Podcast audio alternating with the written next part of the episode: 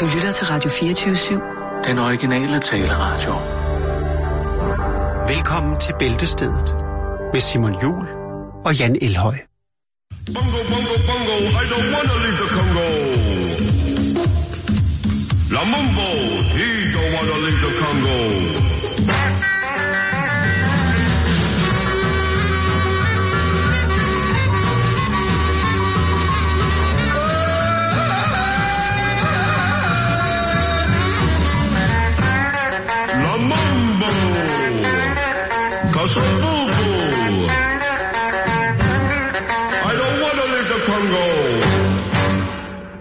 I don't wanna live the Congo. Ah, det er øh, måske meget... Spændende stykke musik. Jamen, ikke desto mindre, Jan, ganske samfundsrelevant PT, fordi hvem har egentlig lyst til at bo i Kongo tæt op af den centralafrikanske republik? Det tror jeg ikke, der er særlig jeg mange. kan godt øh, udpege et par stykker, men det synes jeg ikke, vi skal gå dybere ind i. Men Ah, jeg har faktisk det- to, hele to historier fra Afrika i dag. Er det rigtigt? Eller den ene, den handler om Afrika, og den anden, den handler om øh, Zimbabwe. Der Mm. var lidt pres på i dag. Det er jo sådan, at vi vælger jo at øh, smide historier, så vidt det er muligt, op til sidste øjeblik, hvis der er andre øh, danske aviser, der skriver om dem. Ja, Eller ja. nyhedsmedier generelt. Ja. Der var altså to, som jeg lige måtte smide. Men jeg har fundet nogle andre, så må vi se. Øh, vi skal blandt andet snakke om iranske fly. Åh, oh, skønt. Øh, ja, det er en- noget en parodi. Øh, men jeg vil godt have lov til at starte med noget, Simon. Det synes jeg. Det er bare en lille, snak, en lille, en lille ting. Jamen, skal vi så ikke bare øh, sætte den i gang med Jo. sådan en her? Det er faktisk rigtig, rigtig passende til den her historie. Er det rigtigt? Ja, den er er det meget et kort. som man siger? Vi skal til Ohio i USA, og øh, det handler om et røveri i det, der hedder øh, Family Dollar Store. Og det er, øh, Det er sådan lidt tigeragtigt. det er lidt tieragtigt. Ja. Øh, ja. Man, man kan få lidt flere blandede ting. De har Mm. også toiletpapir og øh, sådan, ja.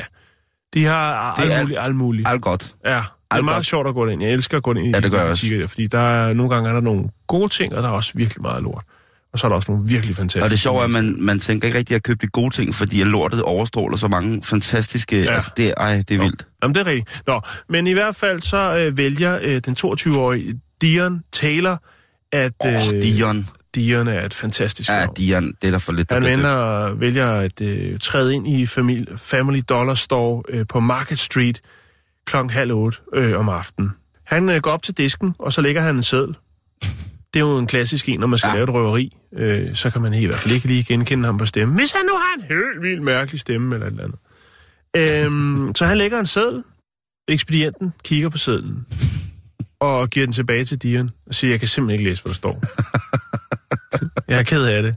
Men jeg kan, jeg, det, det kan jeg ikke læse, det der. Og så øh, må Dion jo selv læse det op. Og der står, det er et røveri, vær stille, og lad være med at øh, være for stolt, for så vil jeg dræbe dig. Wow. må være en meget mærkelig situation, og der vil man skulle måske overveje at, øh, at lave lidt større form for berigelseskriminalitet, eller måske hvis man kan få lidt hjælp fra staten af til at få et, et håndskriftkursus, eller i det mindste så øh, købe en printer, så man kan gå hjem og skrive sine øh, sin trusler. Øh, Der er ikke mange, der skriver i hånden øh, pænt mere, Jan. Da vi to gik i skole, Da vi lavede røveri. lige præcis, ja. Der havde vi jo haft retskrivning i skolen, og der ja. Fik man jo stilkarakter. Ja. Kan du huske det? Hvor man fik, øh, hvor man fik øh, eller ordenskarakter også. Ja. Om, om, hvor... Er du formskrift eller skråskrift? Jeg havde skråskrift. Jamen, det har jeg også. Øhm, Jeg skriver det stadigvæk. Det gør jeg også. Jeg tider, Men skriver, jeg gør det altid, når det er noget, der er vigtigt. Øhm, Ellers så har jeg bare en skrift, som man ikke kan øh, præcisere som værende øh, en ja, form eller noget andet. jeg havde en meget sjov øh, oplevelse forleden dag, hvor jeg var ude og underviste nogle øh, kokke, Ja, øh, madlavningsfolk, og øh, der skulle vi lave nogle forskellige ting, og det var sådan en workshop, hvor og madlavningsfolk, det er en god titel. Snobrød, studenterbrød. Er du sindssygt, du ved, altså snobrød, hvor høj kurs der er ude i de nye køkkener, Jan, du. Det er stærke sager, du. Men i hvert fald, der øh, har jeg sådan en... Der var nogle ting, de, skulle, de kunne spørge om, og så øh, har jeg sådan nogle bøger, som jeg har haft med, når jeg har arbejdet i køkkener i... Ja, siden jeg startede. Og der, det er jo sådan nogle små sorte bøger, Mm. hvor jeg skriver i med altså håndskrift, Ja, og så hvis der er sådan noget, en komposition af en ret, for eksempel, ja. så tegner man og fortæller, og skriver sådan små pile ind på, der skal ligge det, og så skal der være Det det. vigtigste er jo, at man selv kan tyde det. Jo, jo, men jeg ved du, hvad jeg gjorde? Nej. Jeg blev sgu mobbet af de Nå. drenge og piger der. De var flade og grin, der havde hævet sådan to store, sorte, fedtede bøger frem. Der stod de, altså de stod og fniser, ikke? Og så stod Hvorfor de, har jeg ingen iPad? ja, Er der ikke? eller en computer, ja, ja, eller en telefon. Jo. Og jeg kunne godt selv se, at det var håbløst gammeldags, og det var også bare Jeg sådan... synes faktisk, det er fedt. Jeg elsker, jeg, er jo, jeg har jo en, en fetish med, med notesbøger. Jeg elsker notesbøger. Men jeg er ikke færdig nu, vel? Nej, nej, men jeg For siger det bare. en af de her unge kvindelige øh, kokke, som altså kom direkte fra tre Michelin-stjerner et sted i Spanien, som sagde, ved du hvad hun sagde? Nej. Hun sagde, det kan godt være, du ikke ser så gammel ud, men du skriver fuldstændig som min mormor. Ja. ja. Der stod jeg lidt der og tænkte, ja, det var da lige godt satans. Og det var også det der med, det sjove var, at det de så skulle Men altså, have, når du, når du er 60, så kan du tage rundt på markedet og, og, Optræde med- og optræde med håndskrift. det vilde er, at Folk øh, står og klarer. Ej, hvor er det flot. Så sagde jeg til dem, prøv at høre, jeg, jeg, jeg, jeg, jeg, jeg, var, et, jeg var en stor øh, gammeldags 1, 2, 3, I'm a time machine, 1, 2, 3, I'm a time machine. Fordi så siger jeg til dem, jamen altså, når vi er færdige her, så kan I jo bare lige øh, komme op og skrive af, hvis der er ikke. Så griner de endnu mere. Fordi lige så snart, at de var færdige med, eller lige så snart, de- inden de skulle i gang, så gik alle sammen op og bare tog et billede af siden i bogen, ikke? Ja. Og, og jeg, jeg, jeg følte mig simpelthen tusind, jeg, føler, jeg ved godt, jeg er tusind år gammel bankpunkter, men jeg følte mig simpelthen, ja. øh, og Men- det var, øh, men det var vildt nok at få at vide, at, og de kunne læse det. De havde meget sjovt af det der med, det var ligesom, at når de fik en seddel fra deres mor og far mm. hjemme på køleskabet, om det måtte de ikke, eller de skulle hente et eller andet, så så det sådan ud. Jeg tror faktisk, der er mange øh, retter, der er opstået på den måde. Altså ved øh, en lidt ulæselig håndskrift, og så lige pludselig, bum, så har man kreeret en, en ny spændende ret. Altså, var, vi, vinersalat blev til æggesalat på den måde, mm, jamen det, det har kom, jeg hørt. det kom jo så vidt, at, det kom jo så vidt, at jeg blev, altså, at der blev skrevet håndskriftsprøver, altså hvor vi sad i pau- en pause og skrev, øh, altså hvad de skrev med deres hånd, øh, hvad de skrev i, he- i hånden. Og ved du, hvad de skrev i hånden? Mm. Under. Ja. Det er det, de gjorde. Ja. Ellers så foregik alt, altså digital signatur, alt. Det var bare sådan, Jamen, det er så fandens moderne. Nå, men for lige at slutte af, Ja, så, undskyld. så, øh, så, jeg skulle bare lige klage min nød. Så får øh, digerne udleveret øh, lidt penge og øh, en øh, pakke Newport-cigaretter, og det er sådan set det. Så forlader han butikken, og senere så bliver han så anholdt øh, på sin bogpæl, selvfølgelig grundet, at han bor temmelig tæt på, og øh, der selvfølgelig er overvågningskameraer i butikken. Han skulle lige have lidt tobak. Digerne, han skulle have lidt, og ja. Men øh, nu er han jo i politiets varetægt, og lurer mig, om man ikke får lidt tid til at finpudse sin håndskrift, til han bliver løsladt, og igen skal ud og, ja, og gøre, ja. Hvad skal man kalde det? Det er jo ikke at bryde den onde cirkel. Han øh, bliver sikkert en genganger. 22 år, Simon. Uha. Den svære ungdom.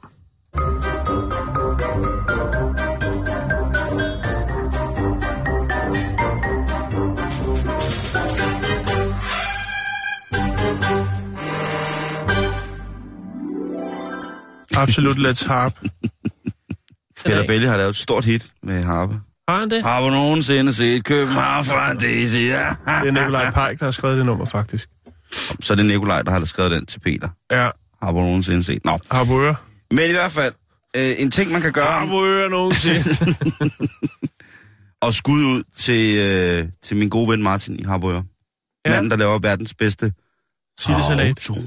Nå, autoren, okay. Autoren. Nå, hvad skal vi snakke om? I kan jo ikke Vi bare skal sidde snakke om, øh, om at jeg, i går, ud til... at jeg i går på, på en stille og rolig søndag gik i gang med at bare sådan fræse lidt på internettet.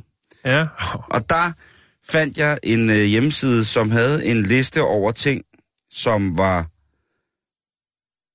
som man ikke tænker over, men som i virkeligheden er hårde fakta. Og så tænkte jeg, okay, det var lød rimelig skørt. Og så gik jeg i gang med at tjekke sådan, de fakta, der stod på listen, om det var rigtigt. er det sådan noget med, at man skruer ned for radioen, når man skal øh, prøve at finde vej? Øh, ikke helt. Eller? Nå, ikke helt. altså i bilen, ikke? Selvfølgelig. Ikke Det er ens lejlighed. Det er for eksempel sådan noget her som, at øh, det kan godt være, at solen den er ældre end jorden, men det vand, som vi drikker, det er ældre end solen.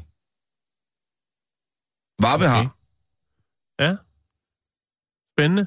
Der er også en, fa- en faktor, der hedder, er når metal, det ekspanderer, når det er varmt, fordi at metal ekspanderer, når det er varmt, så er Eiffeltårnet faktisk 15-17 cm højere om sommeren.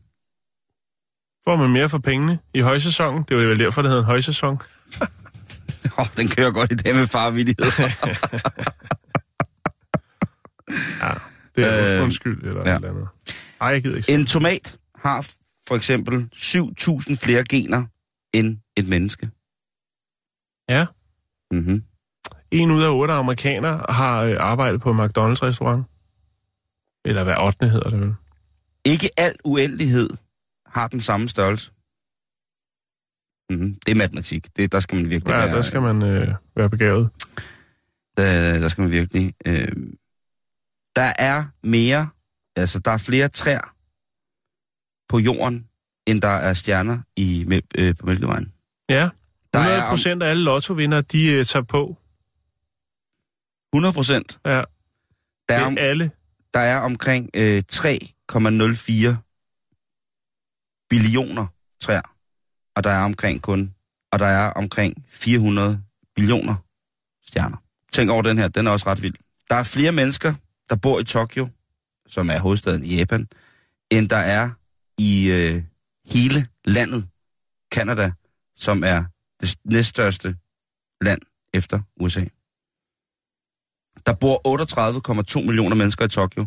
Der bor 36,4 millioner mennesker i Kanada. Det er facts, det der, Simon.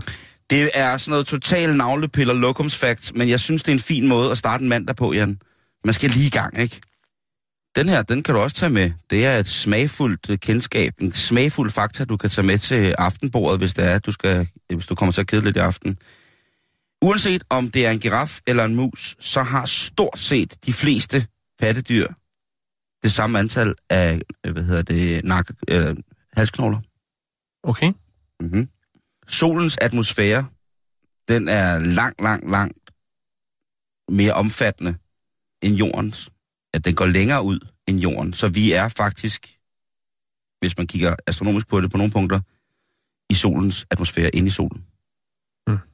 55.700 mennesker i USA kommer årligt til skade med smykker. En loppe accelererer cirka 25 gange hurtigere end et øh, rumskib. En rumraket. Ja. En loppe, den kan hoppe cirka 38 gange dens kropslængde. Og den kan modstå cirka 100 gange, altså 100 G kan den faktisk modstå, 100 gange øh, jordens tyngdekraft. Og der kan man sige, at øh, rumfærgen, som er en af de største teknologiske landevindinger, som menneskeheden har skabt, ja, den kan altså nå at øh, holde til omkring 4G. Så kan man jo tænke lidt over det, hvad loppen er lavet af, ikke? Mhm. Kender du Hubble-teleskopet? Ved du, hvad det er? Nej. Ja, det, Det er jo det navnet, verdens men, øh, største teleskop. Det er faktisk, øh, hvis man kigger afstandsmæssigt på det, så er det faktisk et øh, teleskop, som kan se tilbage i tiden, hvis man kigger lidt mere fysisk på det, eller hvis man kigger fysikmæssigt på det. Fordi når den tager et billede af galaksen, for eksempel en galakse, som er 100 millioner lysår væk, jamen så ser vi faktisk øh, på en galakse, som den så ud for omkring 100 millioner år siden. Mm. Fordi der, der lyset er, ligesom er kommet ned til os, og, Mhm. mm-hmm. og visionen. Den største ørken på jorden, Jan, det er altså ikke den ørken, som du tror, det er. Det er faktisk Antarktis. Okay. Så kan man tænke lidt over, at ørkenen er ikke bare af, af, af sne. Den her, den er til alle dem, der drikker kaffe, fordi at en helt almindelig kop varm kaffe, den kan altså køle hurtigere ned end kaffe, som øh, man hælder for eksempel kold mælk i. Mhm. Mm-hmm. Der er mange mærkelige, øh, mange mærkelige facts omkring det her, Jan. Den sidste, jeg vil efterlade dig med her øh, på sådan en dejlig mand, det er øh, tanken om en dejlig blød sky. Tænker du ikke tit på det der med, nej, når man flyver for eksempel, ej, skyer, det er nu altså bare noget, noget skønt noget. Man har lyst til at hoppe ud i det, og bade i det, og hoppe rundt i det. Ja, stå på ski i det. Lige præcis. Kæmpe. Men øh, den ser kun sådan ud. Men øh, en gennemsnits sky, den kan faktisk veje op omkring øh, et halvt, altså 500.000 kilo. Okay. Hvad siger du til den? Det siger øh, wow. Det er faktisk dobbelt så meget. Det er mere end dobbelt så meget, end for eksempel frihedsgudinden statuen vejer i New York. Så det er fuldstændig ubrugelige, men hyggelige facts, som du har fået på en stille og rolig mandag her i Bæltestedet. Now, here comes the music. Everybody's voting for the friendly voice of radio. The people's choice. It's radio that makes us see. Så skal vi til Zimbabwe. Og vi skal til Afrika. Ja. Har vi noget Afrika? ja, det har vi da i hvert fald. Har vi noget Motherland Music? Yes. Black Power. Øhm, det kan jo godt være svært for forældre dernede at øh, have de finanser, der skal til, de midler, der skal til, for at finansiere en bedre fremtid for deres børn. Vi snakker selvfølgelig om skolegang. Nu har landets uddannelsesminister, øh, Lazarus øh, Dokora, Åh, oh, hedder han Lazarus? ja, Lazarus, Lazarus, Den er, det, det, den er stærk. Den er meget stærk. Han har været ude, uddannelsesministeren, og sige, at øh, nu øh, laver man øh, et nyt tilsag, som gør øh, skolesystemet, i hvert fald betaling af det, lidt mere fleksibelt. Og det vil sige, at, øh, altså, at forældre nu øh, kan betale for børnenes skolegang med husdyr eller andre tjenester, øh, hvis de nu for eksempel, hvis du øh, er god til at bygge noget, mm. øh, et eller andet, jamen så øh, kan du måske hjælpe på den måde. Det kunne være vedligeholdelse af landsbyskolen eller noget. Øh, og så kan dine børn gå i skole. Og det er jo en pissegod idé. En indhegning til bøsser. Der er allerede øh, skoler rundt omkring i Zimbabwe, som øh, har hus, altså godtager husdyr som, som betaling. Det kunne for eksempel være geder. Mm, jamen altså, naturaløkonomi, Og, Jan, øh, det er, det er vejen frem. Altså, det... det øh, man kan sige, nu er, nu er han bare lukket op for, at, at det her, det skal vi have, det, det skal være, det skal, det skal prøve hele nationen. Det skal være en mulighed for alle, så, så vi kan få nogle flere børn i skole. Og det er jo pisse godt ting. Det er jo mest i yderdistrikterne, at, at øh, det har foregået, men nu øh, lukker man også for, op for, at det kan foregå i de lidt større byer. Eller bare hvor som helst, hvor man er frisk på det initiativ. Og det kan jo også gøre skolekøkkenet lidt mere spændende. Ikke? Altså, den, øh, det er jo noget, som, som man skal kæmpe for i alle lande, synes jeg, den her budgettering og prioritering af madlavning til børn i skolerne. For det første madlavningen til børnene selvfølgelig, at maden er god, hvis det er, Jo, hvad det bliver lavet. Men, men jeg også, også, børnene kan lige Også- snuppe et fange par slanger på vej i skole. ved du, hvor mange kroner der er per elev til madlavning og uddannelse i Danmark? Nej. 4 kroner. Det er mange penge. Ja, måske i Zimbabwe, men i Danmark er det ikke, er det ikke den, den store. Nej. 4 kroner, Jan, det er det, der bliver budgetteret med, at børnene per elev skal lære at lave, øh, lave mad efter. Så mm. lægger man måske nogle gange madlavningstimerne lige efter spisefrikvarteret, så børnene ikke gider spise og sådan nogle ting. Og så jeg, prøv lige at tænke på det. Det er, øh, det er et i-land. Det er verdens øh, lykkeligste land i mange år. Den Ja. uddannelse, vi vil give via vores offentlige system til børn, den viden, vi vil give til børn om, hvordan man laver mad, hvis man ikke får den derhjemme, den er 4 kroner værd. Rent råvaremæssigt Ja. per elev. Ja, det er alligevel en del pasta. Nå, men i hvert fald, så, så øh, er det, det er ikke et, et nyt tiltag, man kan sige. Det er lidt inspireret af noget andet, for det er faktisk sådan, i, øh, i Zimbabwe, der har det, har det været et stykke tid også sådan, ikke kun med, med for skolegang, men man rent faktisk også godt har kunne optage banklån og øh, stille det, som man kalder flytbare aktiver øh, som sikkerhed. Okay. Og flytbare aktiver, jamen det kunne jo øh, det kunne være en bil. Det kunne være andre former for maskiner, men det kunne altså også være en ko eller en ged. Så dine flytbare aktiver, dem kan du simpelthen stille som, som sikkerhed. for- Mobile aktiver. Ja, det kan vi også godt kalde det. Øhm, der er selvfølgelig også noget med, øh, der er en, øh, altså der er selvfølgelig delte mening om det. Der er jo det, der hedder en kontantkrise dernede. De mangler øh, kontanter, penge. Og det er jo ikke, som, som så mange tror jo, at man bare kan trykke nogle flere, når man løber tør. Det, Der er nogen, der har prøvet på det. ja, og der er også mange børn, som, øh, som ikke helt kan forstå, at man ikke bare kan det af sig selv, eller hvorfor staten ikke kan gøre det, når der ikke... Øh, men det, den er vi vel med på alle Jo, sammen. den- den men, er- men i hvert fald, øh, så er der den her kontantkrise, og det gør jo så, at folk jo sk- faktisk skal stå i, i flere timer i kø foran bankerne for at hæve penge. Øhm, regeringen, øh, de siger, at det skyldes, at alt hård valuta øh, simpelthen bliver taget ud af landet. Og kritikere, de siger, at det skyldes øh, manglende investeringer og stigende arbejdsløshed, som gør simpelthen, at øh, der ikke er noget cash flow. Okay. Øhm, og derfor er det jo meget godt tænkt at sige, jamen, så går vi jo bage til, tilbage til, øh, hvordan det var i de gamle dage.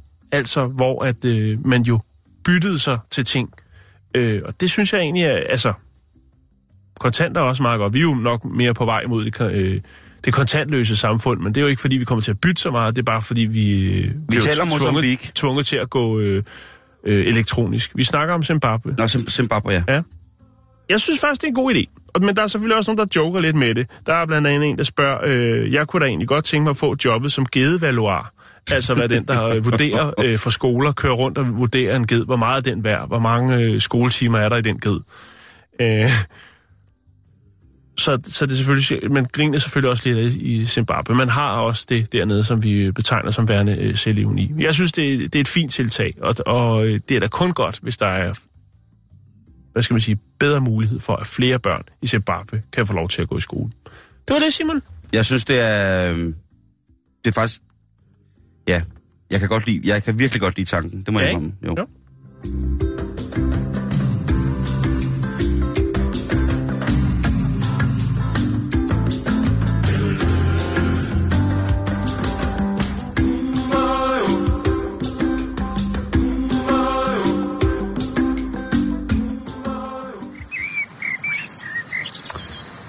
Jan.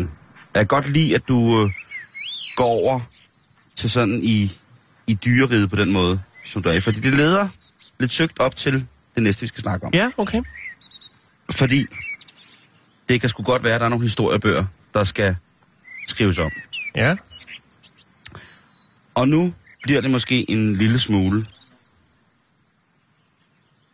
gammeldags. Okay. På den helt gammeldags måde. Altså Ja, tak. way back. For nu skal vi snakke om et nyt kæmpe studie, som her i foråret har set dagens lys omkring dinosaurforskere. Omkring Ja. dinosaurforskning. Noget, som jo er måske det mest badass i verden, det er jo øh, egyptologer, Mm. paleontologer og folk, der bare ved meget om dinosaurer. Det er Ja. good shit. Altså, hvis det er forskning om... Øh, Jeg kan om ikke huske, hvad han hedder. Jeg så på et tidspunkt, det er, nogle, det er nok et års tid siden, om øh, sådan en TEDx-ting, om Mm. en, der jo havde interesseret sig for det, øh, siden han var en lille dreng, og det startede med, at han fandt nogle knogler ude i haven, tror jeg. Og han er bare en af, altså, han er en af de tunge drenge inden for, øh, for dinoer den dag i dag. Jeg kan ikke huske, hvad han hed, men det var helt fantastisk, ja. øh, hans måde at fortælle øh, på, hvordan han ligesom fik passionen for det her. Det er også ret vildt, når man tænker på det der, når man har, hvis man har set udstillinger, og jeg har, jeg har været fuldstændig fascineret af de her dinoer, siden jeg var helt lille. Ja. Og det er jeg, jeg, jeg er det stadig, jeg er jo, er jo så miljøskadet, at jeg kan finde på at rejse hen til steder, umulige steder for at se fodaftryk af dinosaurer. Mm. Du skal huske at tage et selfie. Det er rigtigt, det skal man selvfølgelig. Øh, men man skal huske at slå GPS'en, GPS-noten fra, fordi at, øh, der er jo også... Altså, der bliver stjålet fodspor, Jan. Er det ikke vildt at tænke på? Jo, men det, det undrer mig ikke. Men, nu skal du høre her. Et hold britiske forskere bag en ny kæmpestor analyse, de skal måske, eller de kan måske være årsag til, at en stor del af historiebøgerne, som vi kender dem omkring dinosaurer og sådan noget, de skal skrives om. Okay. De har faktisk lavet en undersøgelse, det er en, en phd afhandling som mm. kan gøre, at de sidste 130 års opfattelse af dinoerne, den får en røvfuld. Okay. For at gå helt tilbage, way back, i 19, eller 1842, så gav paleontologen Richard øh, Owen, eller Richard Owen, øh, dinosaurerne deres videnskabelige navn. Mm-hmm. Og i 19, 1888, der opdelte Harry Seeley de her dinosaurer i to hovedslægter. Og det gjorde han på basis, eller på grundlag af formen på dinosaurussernes bækken. Det er noget, man kan sige meget om ud for et, øh, et bækken, det er der mange. Fordi han lavede en opdeling i det, der hed de fuglehoftede og de øjlehoftede dinosaurer. De fuglehoftede dinosaurer, jamen det var så dem, som måske gik mere opret på to ben, og de øjlehoftede, det var så dem, som havde sådan mere vertikal fra side til side gangart, når man så dem. Mm. Øh, men Men... på Cambridge University, der har Matthew G. Barron, eller Matthew G. Baron, G. Barron, det er med et, det er pimped out navn. Ja, det synes jeg. Når man kommer i udgravningen og hedder G. Baron, så ved folk godt, at hey, så pensler man ikke så hårdt, at der flyver støv over på, den, øh, på de ting, der ligger over på G. Barons, øh, i hans kvadrant. Øhm, men han har med sit phd projekt gennemført den her største slægtskabsanalyse af de tidlige dinosaurer. Så. Og der, og det er derfor, han faktisk kan, øh, måske kan gøre, at de sidste 130 års dino, dinoforskning, de er lige lugt øh, til, øh, til hundene. Jesper Milan, som hvor er en af vores store øh, idoler her i programmet, han er jo øh, museumsinspektør nede ved Geomuseum Faxe. Og han øh, har godt nok ikke selv deltaget i det her, men han siger, at det er virkelig et kontroversielt studie. Og det bryder med 130 års vanetænkning. Og hvis det holder vand, bliver samtlige dinosaurusbøger på markedet forældet. Men det er også et studie, som giver god mening på flere planer. Han er altså nede med det her på mange, mange, mange måder. Øh, studiet blev publiceret i et øh, videnskabelige tidsskrift, som hedder Nature, som er, øh, den er sgu god nok, hvis den, øh, hvis den kommer ind der. Med, med den her analyse, så er forskerne, som de siger, øh, en slags trækirurger. De har nu taget alle de ting, vi kender om rovdinosaurusene, øh, og flyttet dem til den anden side af det stamtræ, som de egentlig normalt har siddet på. Og så fortæller de faktisk, at øh, jamen, den har ikke været rigtig, den her opdeling af fugle- og øjlehoftede dinoer. Mm. Og det, øh, hvis man tager det for gode varer, så giver det en helt ny ramme for ligesom at forstå den her evolution, den biologi og de evolutionsprocesser, som dinosaurerne de har været igennem. Og det er Paul Barrett, som er ude at sige det, og han er medforfatter på studiet, men han er også arbejdende på Natural History Museum of London. Og hvorfor fanden kommer så i gang med sådan noget her? Fordi at, øh, det synes jo egentlig plausibelt, alle de ting, som der lå til grundlag for at tro på, hvordan historien ligesom har haft det. Ja, og hvorfor ikke bare lade den ligge der? Ja, ja. hvorfor ikke bare... Det er jo ikke fordi, vi går og venter på, at de kommer tilbage, og der går Jurassic Park i lortet. Det er jo nok mere fordi, at jamen, der var den. Jamen, det var simpelthen fordi, at Matthew, altså G. Barron, som vi bare kalder ham nu, han skulle i gang med sit phd studie og han studerede faktisk til at starte med oprindelsen af de fuglehoftede dinosaurer. Og det var jo altså øh, ikoner som for eksempel øh, den trehornede øh, øh Triceraptor og Stegosaurusen, den her med de store øh, paraboler på, øh, på hen over ryggen. Mm. Og der går han og roder med det her, og øh, deres oprindelse, den er, har man, den er man ikke så nede med. Der er ikke nogen, der sådan rigtig har smidt den på bordet og sagt, det er sådan her lortet, det har været fra, øh, fra start af. Øh, så han går i gang med at kigge på det her, og det er jo en PhD, så det er jo noget rimelig langhåret noget, og sikkert også noget med at, at kigge i nogle gamle læderombundne bøger, mm-hmm. og puste ud af siden og se på nørklet håndskrift. Men i her, de, og, og så se selvfølgelig på, hvad der er blevet gravet ud, ellers hvad der er fundet i folks haver og på, på stranden og sådan noget. Og der lægger G. Barron altså mærke til nogle, øh, nogle ting i nogle knoglelevn. Altså han står, går og kigger, går og kigger knoglen. Og der lægger han altså mærke til, at der er nogle ting, som simpelthen ikke passer ind i puslespillet for de her to grupper. Egentlig så havde hans vejleder på det her projekt på Cambridge, David Norman, han havde faktisk også bemærket, at det her, det, øh, det var tilfældet, men han havde ikke rigtig haft den store tid til at kigge ind i det her, fordi man tænkte, okay, altså 100, 130 års øh, god stil mm. i, i, i at kigge på dinosaurbækkener, skal ikke bare lade den ligge der. Altså, som du selv siger, jamen, det er meget godt. Det, det, det var fint at, at, at lade den være der. Men med tre år tilbage af sin Ph.D., så var der altså den perfekte mulighed for G. Barron at gå ind i det her. Og sammen med hans vejleder, så gik de altså i gang med at kigge på dinosaurernes fælles oprindelse. Og det gjorde de ud fra, at der de sidste 15-20 år er opdaget rigtig mange nye dinosaurer. Og dinosaurus, dinosaurer forfædre. Og der er begyndt at bygge sig en, et antal eller en kritisk masse op af detaljer, som gør, at man ikke rigtig bare blindt kan tro på den gamle model. Det er sådan, mm. Mads siger det. Så han gik i gang med at tegne et, øh, øh, et stamtræ og, øh, og lave en liste med fællestræk, som de mente var vigtige for at identificere de her slægtskaber. Altså finde ud af helt tilbage, hvor fanden hænger det her sammen? Hvor stammer den her fra? Hænger den sammen med den her, øh, den her kylling? Er det den, der er blevet til en val? Eller den her øh, flotte, flotte, langhalsede dinosaur? Er det den, der er blevet til en, en lille halmspidsmus? Eller hvad er det? Og på den måde, så gik de altså i gang med at, øh, at, at, at se på, om det her, der har været fakta, det her, som der er grundlaget for forståelsen af de her dyr i de sidste 130 år, om det ligesom var rigtigt. Og faktisk så fandt de ud af, at øh, med det grundlag, de havde for at lave deres forskning, det, det, det, det, det så faktisk, det lignede lort. Mhm. Det var lidt lort med lort på. De kunne sgu ikke rigtig få til at hænge sammen. Puslespillet gik ikke op. Der var, ikke, øh, der var, der var nogle tal i Sudoku'en, som øh, ikke rigtig hang sammen. Og øhm,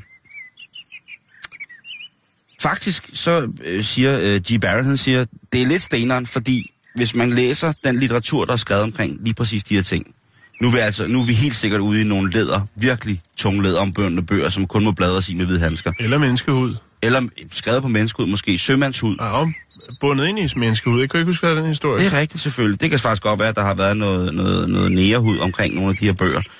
Fordi han begynder, Matthew, at tænke, det er virkelig, virkelig langt ud det her. Fordi der er jo masser, der har skrevet om det her før.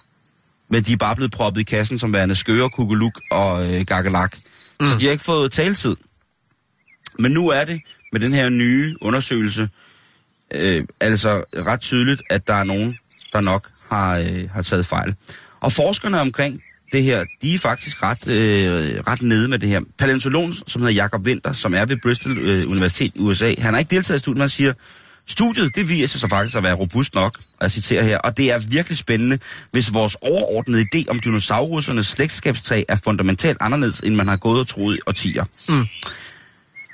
Øhm, man kigger på sådan nogle ting som for eksempel, hvornår vandrede fjerne fra nogle dyr over på nogle andre? Hvornår forsvandt de helt? Hvad, hvad er de blevet til?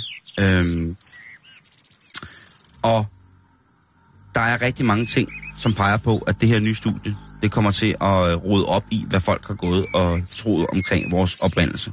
Øh, og det giver i sidste ende også et helt nyt billede af dinosaurernes stamfader, altså de levende, store, æglæggende sataners olde olle, olle, olle, tip, olle, olle, olle, olle, tip, tip, tip, olle, ollefar og mor. Og det er, er jo altså noget, som kan, kan rykke, øh, kan rykke det her. Hvis man går lidt længere ind i det her med dinosaurusforskning, og jeg skal nok skynde mig at gøre det færdigt nu, jeg kan mærke, at der sidder noget, nogen derude, der enten vil ind og øh, starte aftensmaden, eller, men de bliver er fanget i bilen og toget, så vil sige, at der har selvfølgelig været rigtig meget råd omkring det her, og hvad de har gået og rodet med, og der har været øh, en, en masse bedre kampe omkring det her. Øh, helt tilbage fra dengang, hvor øh, i slutningen af 1800-tallet, hvor Richard Owen, han altså stod bag betegnelsen dinosaurer, øh, der var han fuldstændig i gakkelak og prøvede ligesom at udradere andre forskers arbejde for selv at tage æren for, øh, for det. Øh, Det er jo det, tit det, det handler om. Anerkendelse, Simon, jo jo, i forskningsmiljøet. Ikke? Det er også derfor, jeg husker den der historie, vi havde med, at der er aldrig blevet, øh, altså, der er aldrig blevet lavet så meget forskning, fordi folk jo ligesom skal have det ud. Det skal ud på nettet, deres afhandlinger, sådan så når man bliver googlet, når man skal søge et job, jamen, så ligger der en rigtig øh, flot øh, buket af forskellige forskningsprojekter, man har været ind over øh, på nettet. Så, øh, så det er jo en form for CV, kan man sige. hvis man øh, lige pludselig har fundet ud af, at der er en interesse, en indre ild, der brænder omkring øh, paleontologernes historie, arkeologer, altså udgravning og så skal man gå ind, og så skal man søge på Marsh and Cope, og så på det, der hedder The Bone War.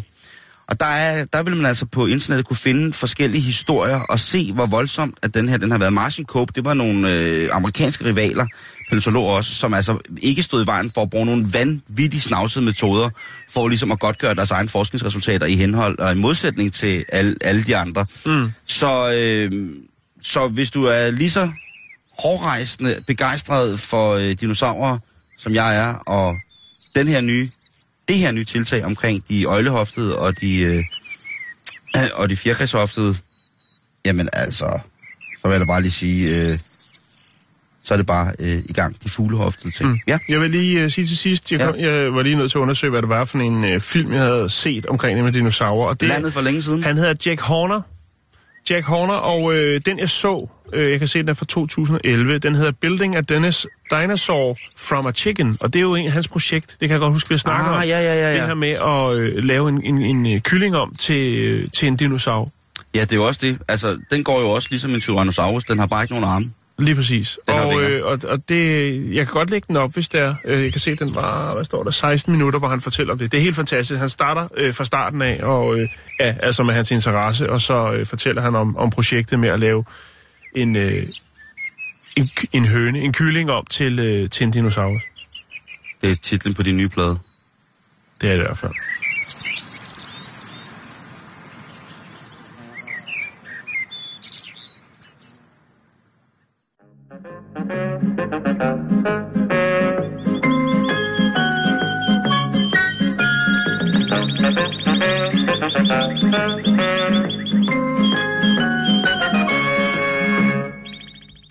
Vi kan, vi kan jo fortsætte lidt med at snakke om forskning. Ja, tak. Øh, forskning, som ikke altid øh, bliver som, øh, eller har det udfald, som man havde regnet med.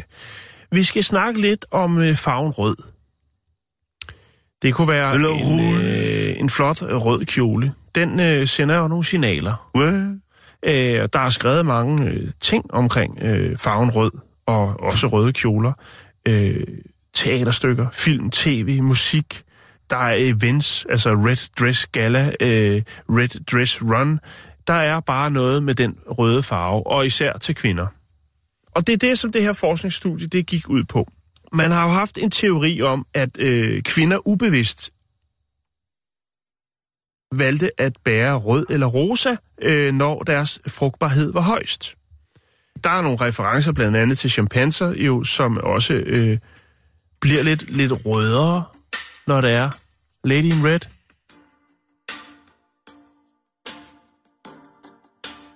Det er måske det mest fæsende nummer, der nogensinde har skrevet. Men på den anden side, Jeg tror, det har gjort mange glade. Men du har ret, det er noget... det er, Ja. det er på grænsen. Det, det, det, her, det her det er grænselandet imellem, øh, mellem ja. lyst og smerte. Også i forhold til Kennedy ja. for eksempel. Ikke? Jo, Det, der svæver den her i i Bourgogne, røde bøffer og to levende lys, ikke? Helt klichéagtigt, så den der på. så ses vi. Og så opsmå skjort. Nå.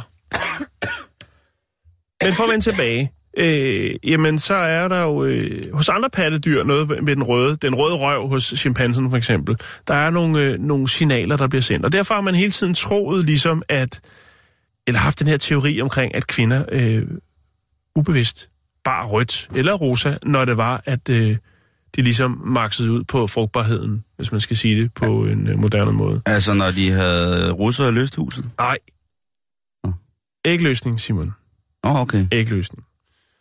Øh, Jeg ved ingenting. Nej, jeg ved heller ikke noget om det. Men øh, jeg holder mig væk i den uge. Nej, Jeg har, sådan en, grav- jeg har en frugtbarhedsapp, jeg bruger, men... det, det, der var i det, det var jo så, at man jo rent faktisk havde, øh, havde alt det, man skulle bruge fra en anden undersøgelse, hvor man testede forbindelsen mellem øh, æggestokshormoner og øh, altså al, al, en masse ting. Så man havde faktisk, øh, hvad hedder det, 100, en, en undersøgelse, der har, hvor der var 164 kvinder af forskellige etnicitet. Og det vil sige, der er jo også, der kan være noget, der er nogle lande, hvor man klæder sig mere farvestrålende, end vi gør heroppe nordpå, hvor sort jo er en flot farve. Og der kunne man måske godt tænke, om så er der lige en, der tager en rød charmklud på, øh, når det er, at frugtbarheden den er op og støde.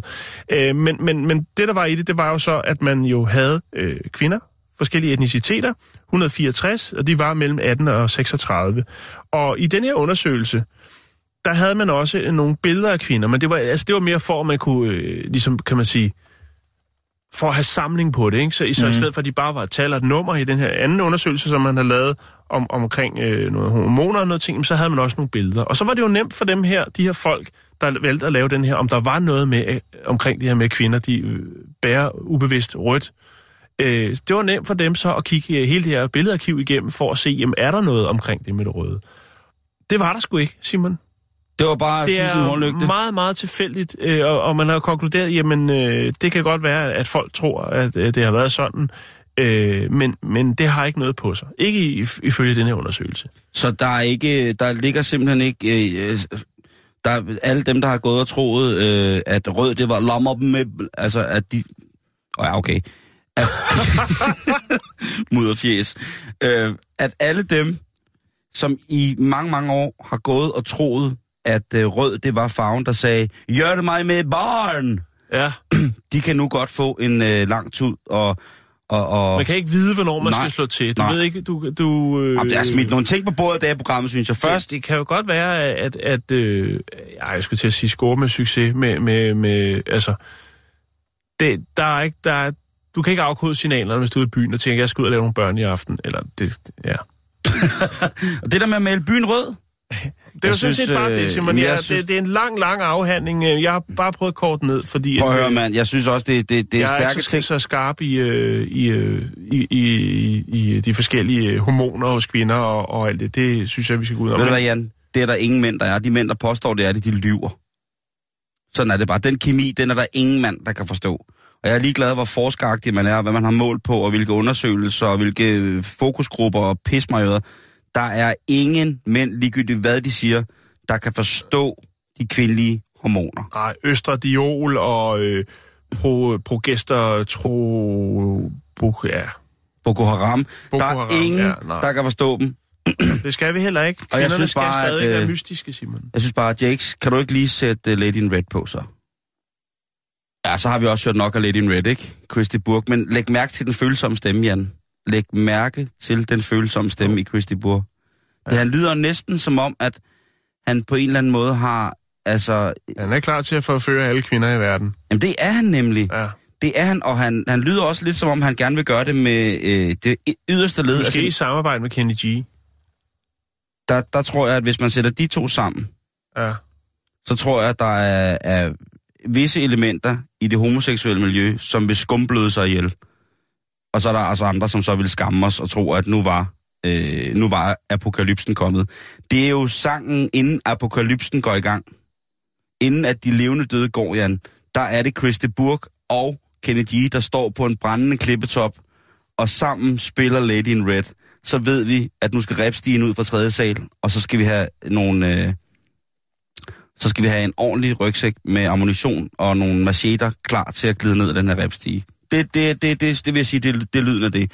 Indtil videre, så kan vi decifrere det i at sige, at uh, Kenny G, han er, hvor han er. Christy Burg er på vinylen. Øh, stille, stille, stille, stille og roligt. Nu skal vi tilbage, Jan, til noget anderledes, mere øh, normalt, fordi vi skal snakke om menneskets bedste ven. Ja. Det er jo ifølge nogen hunden. Vi skal snakke om en hunderace, Jan, som jeg ved, vi begge to holder rigtig meget af. Ja. Vi skal snakke om Jack Russell. Hvad sker der med Jack Russell? Det er jo nogle dejlige hunde. Det er det. De er... Det kan også Øh, rimelig irriterende. det kan de. Øh, en af mine yndlingshunde, den hedder... Det er en Jack Russell. Og han er cirka to år gammel, og han hedder øh, Odin. Ja. Eller nogle gange hedder han også Bodil.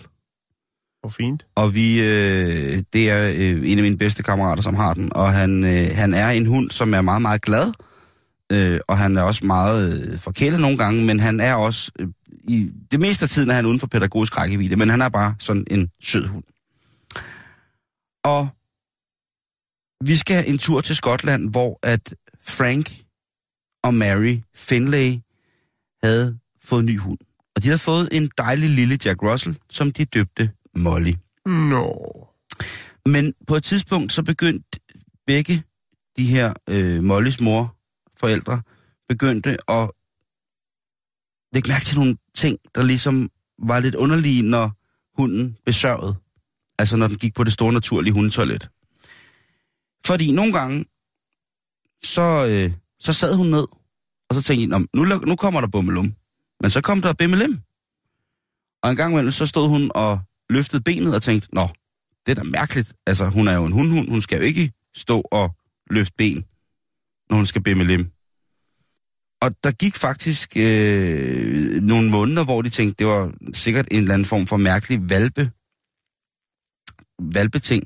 Men det henlægger sig jo, altså signalværdien i lige præcis måden, at hun besørger på, det henlægger sig jo også til måden, hvor de anser dem selv som, altså, hvilket køn de er.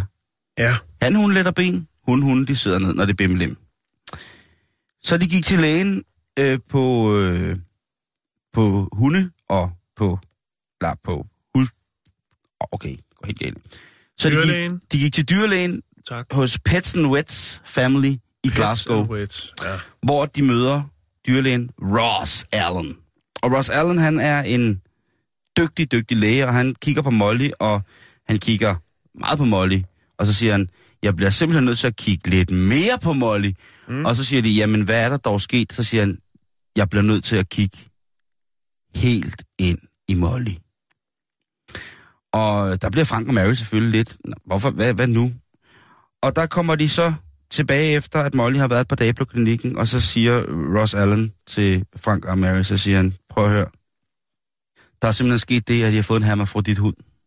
Den har både Dashaman og Vashina. Eksotisk.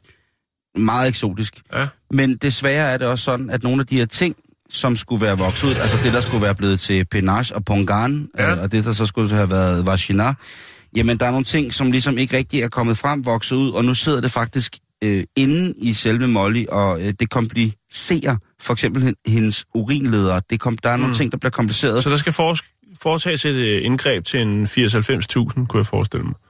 Det kan sagtens være. Det er jo dyrt at gå til dyrlægen. Det er det. Det er det. Øh, Det er i navnet. I Skotland, der er det jo gratis. Man får 500 kroner, hver gang kommer, kommer ned et husdyr. I... Nej, man gør. Sikkert. Men de står jo lidt der og, og er, har fuldstændig tabt deres hjerte til lille bitte Molly. Ja. Og jo, de skal jo, jo, det er jo deres barn. lige præcis. Og så skal de jo kigge på, hvilket køn skal de give Molly. Ja. Nu har de jo altid troet, hun var en tæve. Men de, nu kunne det jo også blive til Olli. Ja. Men de vælger Men at hvorfor sige, spørger de ikke? de spørger dyrlægen, hvad er der De størst? spørge Molly. Ja. De kan jo snakke sammen. ikke? Det er jo deres barn. De er fornuftige nok og spørger, hvad tror du, de spørger dyrlægen, hvad Ja. tror du at, Er bedst. øh, er bedst Hvad kan for... bedst lade øh, sig gøre? Og så siger lægen, jamen øh, lad os give, lad os gøre Molly til Molly for real. Okay. Som, Så, så der bliver ikke nogen børnesang ud af det. nej, Da Molly blev til Olli. nej, det gjorde der ikke. Okay. Øh, hun bliver til, øh, Til hun. hun bliver til hun. Og her, øh, her nogle år efter med, med Molly, der har hun det altså rigtig, rigtig godt. Og øh, hun var blevet opereret i 2016, og hun bliver stadig kaldt Molly, og nu sidder hun egentlig bare mest ned og, og tisser, som hun skal. Og der er ikke tegn på, at hun har smerte. Hun var åbenbart i stor, store, store smerter, fordi der var noget, der sådan rent kønsorgansmæssigt ikke. Der er jo, det er jo aldrig godt, hvis ens pik vokser ind i kroppen. Øh, altså det, det, det kan jo aldrig blive godt. Og så tænker på vinterbadning. Ej, altså, nu, altså i mit tilfælde, der er det jo bare fordi, man bliver tykkere, at, øh, at forplantningsorganet lige så stille forsvinder ind under dellerne. Men hvis man, hvis man sådan rent ret beset med, med, en, med en Davids krop som din, lige pludselig, hvis du opdager en dag, at din tissemand begynder at vokse indad, altså, Ja. ikke at den bliver kortere, Så vil jeg tage op og få det lavet hos øh, en mand, der ved, hvordan. så vil du tage til Petsen Vets i Glasgow og sige, Ja. prøv at høre, den er, den er helt gal. Men historien ender godt, og jeg synes også, vi skylder vores lytter i dag på den her mandag, hvor der har været så mange videnskabelige, kæmpe, kæmpe store barriere, som er blevet banket ja. ned og sat til... Det er måske lige at hive det op på et niveau, hvor det ikke hører hjemme. Men lad os bare sige det. Ja, så ja, du mener, det skal højere op? Det skal længere op. Vi har lige redegjort for evolutionen i forhold til øh, rød som signalværdi i frugtbarhedstiden. Vi har påstået, at en ny undersøgelse fra, øh, Ja, okay. fra England kan smadre 130 års opfattelse af, hvordan at øh, vi har betragtet dinosaurerne. Ja, vi er, vi, det er en mand, det er en hård, hård mand af det her. Men vi slutter med at sige, eller i dag her, at øh, jamen, det er da så fint med, med Molly, dit hunden. Og det, jeg vil sige med det her, Jan, det er, at man skal ikke frygte. der skal jo komme en dårlig lommefilosofisk pointe, sådan en gajolås pointe, det er, har din hund både det ene og det andet, så skal du altså ikke frygte. Det kan sagtens gå hen og blive godt. Og hvem ved, der er sikkert nogle hunde nogle steder, som lever et fint liv, hvor der ikke er nogen urinale komplikationer, der gør, at hunden skal, eller dyret skal leve i smertehelvede. Øhm, og dyr har der lige så stor ret til at være øh, hermafroditter, som, øh, som mennesker har. Forstår du? Kvinder, de er gode nok. Men der er én ting, man ikke kan lave om på. Ligegyldigt hvor mange fremskridt fremskridtet går hen og tager, de er anderledes. Men der er selvfølgelig en mening. En højere mening eller en dybere mening, det skal jeg ikke sige noget om. Men den er der. Inden vi slutter, så skal vi lige et smut forbi øh, verdens ældste civilisation. Og det er selvfølgelig Iran. Øhm, for nylig er der dukket en film op, hvor at, øh, der bliver præsenteret et øh, nyt stealth-fly, som er blevet produceret og lavet og alt det andet. Ja, hvad er forskellen? Der er ikke nogen. Øhm, en stealth fighter, som er produceret i Iran. Øh, flyet hedder Quaha F-313, og i filmen der kan man se det øh, rulle rundt på en øh, flybase og bliver præsenteret. Øh, der er ikke rigtig nogen til stede. Det er ikke noget med, med, med stående bifald og den slags. Det er det ikke. Men det kører rundt, og så der bliver der snakket ind over, hvor fantastisk deres nye stealth jet jager den er. Okay. F-313. Første gang den dukkede op, det var i 2013, og, og, og allerede der, der var, øh, hvad skal man kalde det, øh, specialister lidt skeptiske omkring projektet. Der var noget omkring, øh, altså i forhold til specifikationerne omkring øh, flyets størrelse, de våben, som de øh, påstod, at flyet skulle øh, kunne flyve med, det hang ikke rigtig sammen. Plus at, øh, at øh, cockpittet var... Øh, øh, passede ikke til en almindelig øh, standardstørrelse på en pilot. Der er blandt andet en seniorforsker, som øh, arbejder med stealthfly. Man kan sige, det, det, denne her sådan, øh, teknologi med de her stealthfly, det er jo øh, det her med, at de jo ikke kan ses på radaren. Øh, og det er jo en teknologi, som første gang blev øh, anvendt øh, under golfkrigen. Mm-hmm. Men den her seniorforsker, som i øvrigt øh, ønsker at forblive anonym på grund af hans øh, klassificerede karakter, øh, han vil godt udtale sig, men han vil godt være anonym. Han siger, at øh, det, det er fuldstændig latterligt det her, fordi at, at det der fly, det er ikke noget stealth-fly. Altså, der er nogle øh, specifikationer, der er noget med den... Øh, med de nedadgående vingespidser, og han siger, at det minder mere om, om, om en rekvisit for Star Trek, end, end, end det ligner. Øh, så er der noget med de vertikale øh, finder, som gør, at øh, altså den måde, det bygget på, der vil det aktivere radar. Altså, ja. det vil ikke være et, der, der kan skjules øh, på radaren. Jeg vil ærligt indrømme, når jeg ser det fly, når jeg ser ham, der, der kører rundt i det, det flyver jo ikke i den video, Nej. det kører rundt, øh, der er jeg sgu også lidt, lidt øh, skeptisk. Han, han ligner sgu ikke nogen øh, pilot. Men øh, altså, spørgsmålet er jo så, om det er noget med at sende et signal ud af til, til verden, at øh, vi har altså gang i, øh, vi har gang i noget, noget, noget, noget farligt. Øh, og det er jo netop det der med farligt, fordi at, at der er jo nogen, der øh, betegner Iran som værende øh, et øh, ikke så godt land, og derfor er der jo nogle restriktioner. Og det er jo netop også øh, de restriktioner, som gør, at man sætter tvivl ved, om det her fly rent faktisk jo bare er en anden form for, øh, ja, øh, hvad skal man kalde det? Modelfly? Et, et modelfly, ja. øhm, fordi at det er faktisk sådan, så i flere år, der har der været sanktioner mod øh, landet øh, om at købe forskellige typer øh, komponenter, som vil være øh, nødvendige for at bygge avancerede stealthfly. Og det, og det gør så, at man så endnu mere tvivl øh, ved det. Jeg skal lægge øh, en video op, og så kan man jo øh, selv øh, vurdere, hvis man har øh, et, et, en passion eller en viden omkring fly, om det her rent faktisk er noget, der hænger, hænger sammen. Men altså, mange eksperter, de øh, siger, at det, det der, det, der må være noget signalværdi i det, og det er det eneste. Øh, og det er jo meget sjovt. Et signalværdi i et stealthfly, altså et fly, som helst skulle gå under radaren. Ja.